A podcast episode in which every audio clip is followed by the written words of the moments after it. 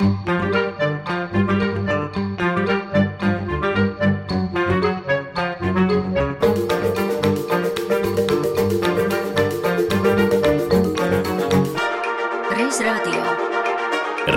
radio ar šodienas skatu pagātnē.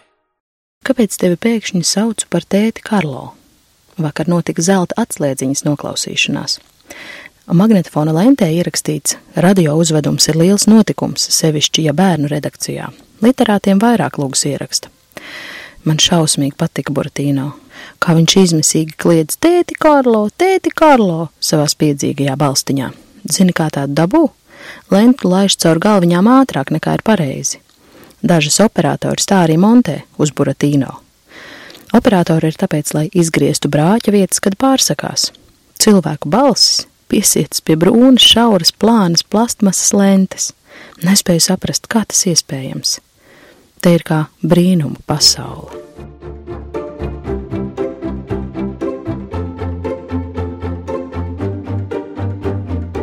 Rakstnieces Māras Svīras romāns Audums kāzu kleitai tika laists klajā 2011. gadā.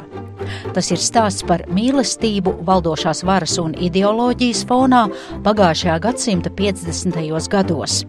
Galvenie varoņi Vīzma un Kārlis ir reāls personas, un Vīzmas prototyps dzīvē strādāja radio, gluži tāpat kā savulaik romāna autore, kura studiju laikā meklējot kādu darbu, sāka te rosīties, iesākumā veidojot nelielus ierakstus un vēlāk raidījumus, kas domāti skolas bērniem tā es negribētu teikt, ka varone Vizma esmu es, jo Vizma bija prototips mana kolēģe un draudzene, bet uh, ir tā, ka šis romāns patiesībā ir par mīlestību un varu. Un mīlestības peripētijas, un, un dzīves peripētijas, un ģimene, un tas viss ir manas kolēģes. Bet viņas radio dienas un nedienas, tās ir manas. Vai drīkst klausītājiem atklāt, par kuru kolēģi ir runa? Kolēģi ir eh, un draudzeni jau aizsaulē. Jā, jā. Vai mēs drīkstam nosaukt viņas vārdu? Jā, vai mēs drīkstam, tas ir jautājums, bet, nu, iespējams, ka mēs drīkstam, jo arī Kārlis, viņš neslēpās nevienu brīdi. Viņš bija ar mieru jau tūlīt būt atšifrēts, bet kolēģi es vairs nevarēju manai draudzenei, vienlaikus es nevarēju paprasīt vairs, jo viņa bija aizsaulē. Bet es domāju, ka šajā grāmatā nav nekā slikta par viņu un nav nekā tāda, par ko viņa varētu uh, kaunēties vai būt dusmīga dusmīga uz mani, ka es to esmu aprakstījusi. Un tāpēc es domāju, ka es varu pateikt, ka tā ir mana kolēģe un draudzene un brīnišķīgs cilvēks Dzidra Gūtmane. Iesākumā Dzidra Gūtmane strādāja bērnu un jauniešu redakcijā un veidoja sižetus skolēniem raidījumā Pionieru sauksme, un vēlāk bija redaktore raidījumam Parunāsim, padomāsim, kura autori savukārt bija Māra Svīre, kas raidījumā runāja par savstarpēju attiecību problēmām. Ēterā Māra gan gāja ar citu vārdu un uzvārdu. Tad, kad es 70. gadā aizgāju no radio uz vienīgo Latvijas sieviešu žurnālu, uz padomu Latvijas sievieti strādāt, nu, mūsu draudzība ar Dzidru, protams, turpinājās, un mēs saskrējāmies un pasēdējām doma kafejnīcā, un tā vienā reizē mēs sākām tā pļāpāt un runāt, un, nu, ka vajadzētu kaut ko tādu raidījumu cilvēku sirdī, nu, jo tajā laikā jau cik nu druscīt meitiņa, tā pati padomju Latvijas sieviete par šādām lietām rakstīja, tik bija. Tas nebija tā kā tagad, kad visas avīzes un 77 žurnāli ar to ir pilni. Un no tā nu mēs runājam, runājam, jā, nu tas tā varētu būt. Citra saka, nu tu to varētu taisīt, tu varētu būt kāds personāžs. Jā, es saku, varētu gan ar savu vārdu, es tā kā negribētu. Un es tagad sāku tā arī domāt un prātot, un es saku viņai, nu varētu būt, ka es it kā iekuļos vienmēr vienmēr visādās eh, ķezās, un tad es prasu padomu radioklausītājiem, un radioklausītājiem man dod padomus, un tad pēc tam es tos padomus it kā analizēju, un tā mēs izrunājāmies, un eh, Dzidra man piezvana vienā brīdī un saka tā, nu kā tu sauksies? Es, es nezinu, es nebiju domājusi, kā es saukšos. Es biju tikko samaksājusi arotbiedrības biedra naudu Astrai Eglei. Un es viņai sacīju, es būšu astrapriede. Tā es kļuvu par astrapriedi. Vēlāk apkopojot raidījumā izskanējušo, pagājušā gadsimta 80. gadu sākumā Māra Svīra laida klajā divas grāmatas ar tās pašas astras priedes vārdu. Mūžīgā dēstīšana un simts jautājumu sev pašam, kur autore ieskicē skaidrojumu pirms tam raidījumā un vēlāk grāmatās rodamajiem tematiem. Dažus vārdus par iespējām. Negaidīsim, kamēr kāds nāks un tās piedāvās. Meklēsim paši, padomāsim, palauzīsim galvas. Vienai iecerēji pieķērušies un nespēdam to piepildīt, nenolaidīsim rokas un nezaudēsim interesi par citu. Interesanti, kā minētais raidījums ir raksturots 1977. gada izdotajā grāmatā par Latvijas radio 28 stundas diennaktī. Kopš 1966. gada janvāra tiek gatavots viens no populārākajiem svētdienas raidījumiem Parunāsim, padomāsim, kurā padomju celtniecības raidījuma redakcija runā par marksistiski-leņiniskā pasaules uzskata veidošanos, par padomju cilvēka morāles, ētikas un estētiskās audzināšanas jautājumiem. Ja raidījums parunāsim, padomāsim, runā par kādu problēmu vai dod kāda jautājuma ievirzi, tad kopš 1969. gada janvāra raidījumā Darbi un domas redaktore Dzidra Gūtmane interesanti risina ļoti konkrētus jautājumus, aicinot pie mikrofona izteikties visdažādāko profesiju ļaudis, piemēram, par padomju tradīciju veidošanos, par sieviešu padomju darbu un tā tālāk. Radio elektromagnētisko viļņu raidīšana un uztveršana. Šis raidījums bija priekštecis vēlākajam ģimenes lokā, kas pēc tam pārtapa par raidījumu mājas svētība. Un lūk, arhīvu fragments ar pašas Dzidras Gūtmanas balsi, kad viņu 2001. gadā iztaujāja mājas svētības veidotāja radiožurnāliste Inese Mača. Bet būtībā jau pirms tam, jau pirms mēs sākām, mums jau bija tas plāns jau saplānots, nu, krietni tālu uz priekšu, jo nu, mēs, mēs nedrīkstējam tajā laikā tā uzreiz. Iedomājamies, un tagad mēs sākam runāt, ko mēs gribam. Nu, tā taču bija cenzūra lielā, es vēl piedzīvoju nu, glauņita laikus. Kā vēl, un kā vēl pa katru sīkumu kā cenzūra. Pa katru teikumu. Jā, jā, jā, pat pieminēt nedrīkstējām. Un vēl es priecājos, ka Es zinu cilvēkus, kas klausās tagad mājas svētību vēl no tiem laikiem, kad bija ģimenes lokā, un pat um, parunāsim, padomāsim laiku ļoti labi atcerās, un, un pat konkrētus raidījumus atcerās. Un ir jau liels prieks, ka ir arī tādi cilvēki, kas man joprojām vēl atraksta. Tas jau ir ļoti patīkami tomēr, ka tu ar šo radio gaistošo, nu, kā lai saka, žanru, ja, ka šodien ir, rīt nav, ka tomēr cilvēki vēl atcerās. Bet nu atkal atgriežamies 60 gadu senā pagātnē, kad Zīdra strādāja radio, veidoja sižetus pionieru augsmei un rakstīja vēstules savam mīļotajam Kārlim, kurš tolaik bija politieslodzītājs un izcieta sodu gan Rīgas centrāla cietumā, gan Sibīrijā. Par to stāsta Māras vīra, bet pirms tam ieskats tā laika radio vidē. Smagās durvis, priekštelpa, nākamās, kas varas šurpu turpu, aiz tām cilvēku rinda līkumu līkumiem. Honorāru maksā tikai 8. datumā, vienu dienu mēnesī no tikiem līdz tikiem, tāpēc rindā stāv gan slavenības, gan iesācēji, visi skaitās ārštatnieki. Kas nesaņems, tam sūtīs pa pastu un ne jau nākamajā dienā. Pārvedums varbūt pienāks pēc divām nedēļām, bet naudu vajag visiem. Reiz radio. Augusta nogales vakars ir gaišs un silts. Radio ļaudis vēl varētu rosīties, bet nekā, jo darba ļaudis grib dienu beigt un doties mājās. Starp citu vārds nogale nav labs, īpaši nedēļas nogale ja tas pamanās iesprukt raidījumā priekšnieki liek aizstāt ar atpūtas dienu. Jo nedēļas nogali lietojot padomju varēja naidīgā Amerikas balss no Vašingtonas. Priekšnieki jāklausa. Pirmkārt, tāpēc, ka viņu taisnība vienmēr ir stiprāka, otrkārt, padomju valstī brīvas nedēļas nogalas nav. Vienīgi svētdiena. Pārējās sešas darba dienas. Viņai acīm redzot, šī mīlestības līnija bija sirdī tik dziļi, ka viņa to pat man nestāstīja nekad, ne ar vienu vārdu. Viņa nepieminēja Kārli. Jā, kaut arī mēs bijām draudzīgas, es pat neteiktu pazīstamas, bet draudzīgas. Nu, es pašlaik nevaru pateikt 20, 30, 40 gadus, nu ļoti ilgi, ļoti ilgi līdz, līdz viņas nāvei. Bet viņa arī šajos laikos, ja pēc atmodas, kad nu varētu runāt par visu, viņa Kārli nepieminēja ne ar vienu vārdu. Vai Dzidra zināja, tad, kad viņa vēl bija dzīva, ka jūs šādu romānu rakstīsiet, vai jūs jau Ne, sākāt tad ne, vai romāns un ne.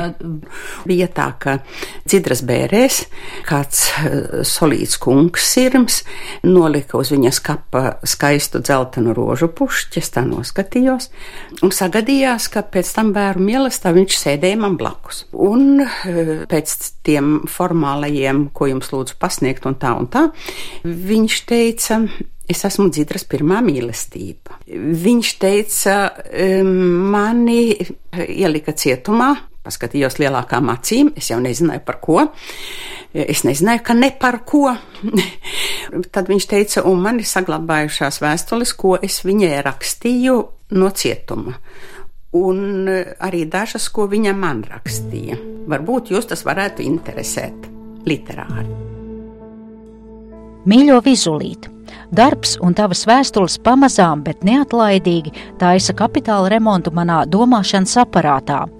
Ar nerviem laikam būs nopietnāk, bet man ir labs ārsts, tu. Protams, kādreiz.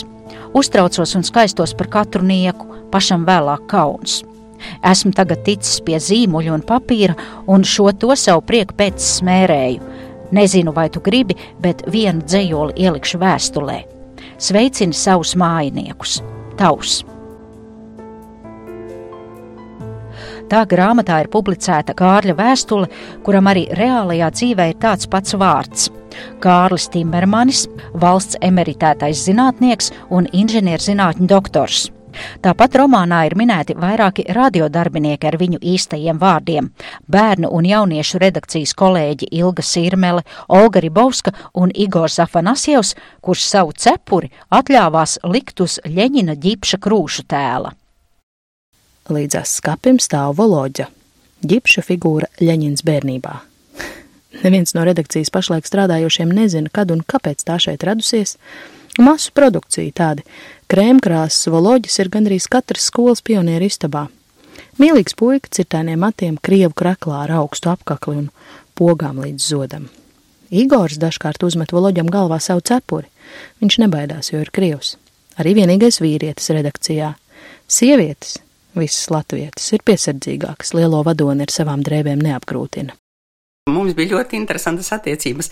Es runāju latviešu, viņš taisīja raidījumus bērniem krievu valodā, bet viņš prata latviešu valodu, bet viņam bija zināmas grūtības runāt latviešu valodā. Un tad mums bija tā, ka es runāju latviešu, un viņš runāja krieviski. Un tad tā arī bija, ka te rakstīts, ka Igors vienīgais vīrietis redakcijā, un jums tur stāvēja Ļeņina biste. Mazais valoģiem mums stāvēja aiz skapja. Bija nolikts slīpi redakcijas istabā skapis, aiz skapja bija garderobe, nu tā naglas laikam vai pakaram, ja tur bija, tur mēs likām mēteļus, un, un Iļič arī bija tur aiz skapja. Jo tie jau vairs nebija tie laiki no 60. gada, kad, nu, viņu celt diez kādā godā. Bet acīm redzot, inventāra numurs viņam bija, un tāpēc Iļič dzīvoja aiz skapja. un, un Igors lika viņam galvā savu cepuri.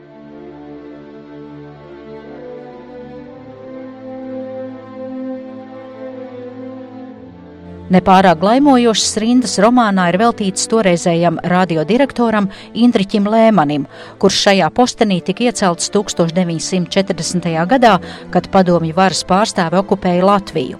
Kreisi noskaņoto un kaismīgo padomju ideoloģijas paudēja Lēmani, tolaik īpašā godā neturēja daudzi radiodarbinieki. Smagas ozolkoka durvis paveras tik tālu, lai varētu iesprāgties. Vizma nobīstas. Ozolkoka paneļi plašo telpu padara tumšu, kaut vienā pusē ir vairāki logi. Tur tālu, tālu aiz milzīga kokgriezumiem greznota gandrīz melna galda balo sīka seja. Vienīgi seja, jo matu nav, bet tumšais uzvalks saplūst ar pārējo tumsību. Kabinets ir daudz par lielu vienam cilvēkam, lai cik augsts priekšnieks viņš būtu. Ienācēji no sejas šķir paklājs, plašs kā jūra, un vizma nezina, kā tiks pāri nenoslīkusi. Viņa saņemas liek soli pa solim, attālums sarūk. Seja kļūst lielāka, iegūst vaipstus. Visai neizteiksmīgus, jo uzacis, palsas, skropstu it kā nebūtu, pakausis pliks. Virs ausīm tomēr bijuši mati, ko frizierim apgriezt, augšlūpa plāna, apakšlūpa biezāka, sārta un šķiet mikla. Kad vīzma tikusi līdz galdam, priekšnieks paceļas un izšauj pretim roku. Spiediens ir pagļāvs, un vīzma atbild tāpat. Nezinu, kāpēc galvā tingšķi doma - Indriķis Lēmanis, Indriķis Lēmanis, ko viņš ir uzrakstījis? Prātā vienīgi klusie varoņi, karastāsti. Tos viņi ir lasījusi, tikai šoreiz neatceras nevienu epizodi, nevienu tēlu. Cerams, nejautās taču. Nē, viņš saka, lai apsēžas. Nu tā, un ieskatās kādos papīros, kas priekšā uz galda, laikam kadru daļā aizpildītajā anketā. Skaidri redzams rituāla labad, jo iepriekš tā jau izpētīta. Divi kursi bibliotekāros, nevis žurnālistos, viņš runā klusīt kā pats sev. Vizmas sirds pamirst, viss, tūlīt pateiks, lai iet no kurienes nākusi. Esmu diezgan ilgi strādājusi ārštatā, taisīju kadrus pionieru augsmē un arī lielos raidījumus. Jā, jā, biedra ģērmani par jums labi atsaucas, tomēr mācīties vajadzēs. Mācīties, mācīties un vēlreiz mācīties. Radio ir ideoloģiska iestāde un bērnu redakcijai sevišķs uzdevums - audzināt sociālismu cēlāju jauno maiņu, padomju, patriotismu garā. To paturiet prātā. Vēlu sekmes! Reiz radio. Bet viss rādio drebēja un baidījās no lēmaņa. Un eh, tad, kad es iegāju tajā milzīgajā kabinetā, un es redzēju šo mazo cilvēciņu ar pliko galviņu aiz lielā rakstām galda, tad es nezināju, vai smieties vai, vai raudāt, jo man tas likās ārkārtīgi nesaderīgi. Neraugoties uz to laiku valdošo ideoloģiju, rakstniecei Mārai Svīrei radiolaiks saistās ar labām atmiņām.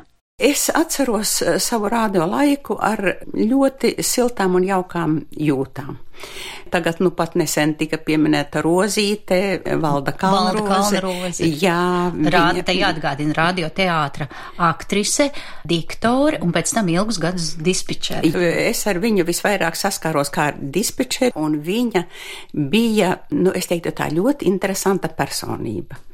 No vienas puses ārkārtīgi punktuāla, Tā kā mēs drusku pat drebējām, bet no otras puses tas bija apbrīnojami, ka cilvēks var būt tik pedantiski, precīzs un prasīgs. Jo nevajag domāt, ka tajos laikos visi cilvēki to vien darīja, kā drebēja un centās būt iespējami punktuāli. Ai, mēs bijām tādi kā visi. Par mani pašu man ir jāsaka, ka man šādi atgādījās tā, ka raidījums bija par vienu minūti garāks nekā mani paredzētais laiks. Un man likās tā minūte tomēr tik svarīga, nu es nevarēju noīsināt, lai gan saka tā, ka nevar noīsināt vienīgi telefonu grāmatu, kas šajos pēcatmodas laikos ir ideāli izdevies noīsināt telefonu grāmatas. Nu, un, un, un tad es gāju lūgties, vai nevarētu to vienu minūti piemesklāt. Nu, un Rozīte, protams, bija atsaucīga. Un ja vien tur tālāk nesakoja Maskava, nu tas nozīmē pieslēgšanās Maskavai tad vienmēr jau varēja to minūti izlūgties. Viņa bija ļoti atsaucīgs un jauks cilvēks. Kad tematu štata vai ārštata žurnālisti pārvērtuši tekstos, redaktori tos varbūt palabo, varbūt īsina, sadala diviem aktieriem, lai lasījums nebūtu vienmuļš. Viena mašīna raksta lapuse divas minūtes. Sauksmei jāilgst pusstundu, ne mazāk, ne vairāk. Radio ir precīzāks par pulksteni. Chronometrāža jāievēro dzelžaini. Redaktori nervozē, jo raidījums jānodod dispečerē vismaz divas stundas pirms iešanas gaisā. Vai jūs arī, Mārija, toreiz ar reportieru to smago lenču magnetofonu gājāt un intervējāt pionierus? Jā, jā, protams, protams. Tur jau grāmatā arī par Jā. to ir rakstīts. Vienīgi bija tā, ka tolaik eh, pionieri, nu, viņi gan vairāk arī mulsa patiesībā. Nu, bija tā, viņi izstāstīja, ko viņi grib, un parasti tika uzrakstīta tā viņa runiņa, kā mēs teicām, runiņas, tika rakstītas eh, uz papīra, un tad tas bērns nolasīja. Te jau arī grāmatā jūs rakstāt, ka raidījuma tapšana nav sarežģīta, bet smagnēja gan, ka vīzma drīz vien pārliecinās, ka noskriešanās liela un gaidīšana vēl lielāka. Vispirms redaktori izvēlas tēmatu, tad tur ir jāņem vērā obligātie vajadzīgie darbi, ko sauc par rubrikām, piemēram, timuriešu labie darbi. Jā, jā, jā. Nu jā, bet tas arī labi, timoriešu labie darbi. Bet eh, kāpēc gan nepastāstīt, ka viņi eh, tur kādai tantiņai saskalda malku, vai ka viņi tur ir kaut kādus dārzeņus izaudzējuši, vai nu, kaut, ko, kaut ko tam līdzīgu. Jā, nu tie bija tie timoriešu labie darbi.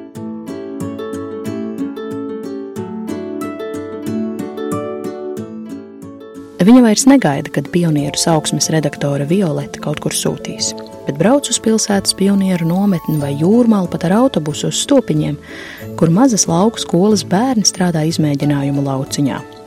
Dabūjuši sauju lisenko daudz vārpu viešu, iesējuši un nu redz, kā izskatās. Nekas īpašs nav, vienkārši drusku žuburota it kā neregulāra vārpa, bet lisenko tās dēļ kļuvis par akadēmiķi un sociālistiskā darba varoni bet ķirbjus gan bērni izaudzējuši varenus. Žēl, ka radio nevar parādīt. Jāpacenšas aprakstīt. Pateicoties Māras Svīras romānam Audums kāzu kleitai, mēs guvām ieskatu pagājušā gadsimta vidū valdošajā gaisotnē tolaik radio.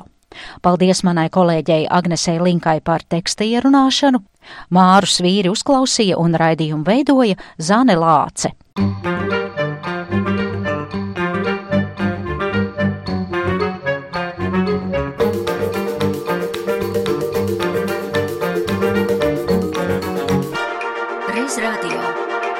Reiz radio ar šodienas skatu pagātnē.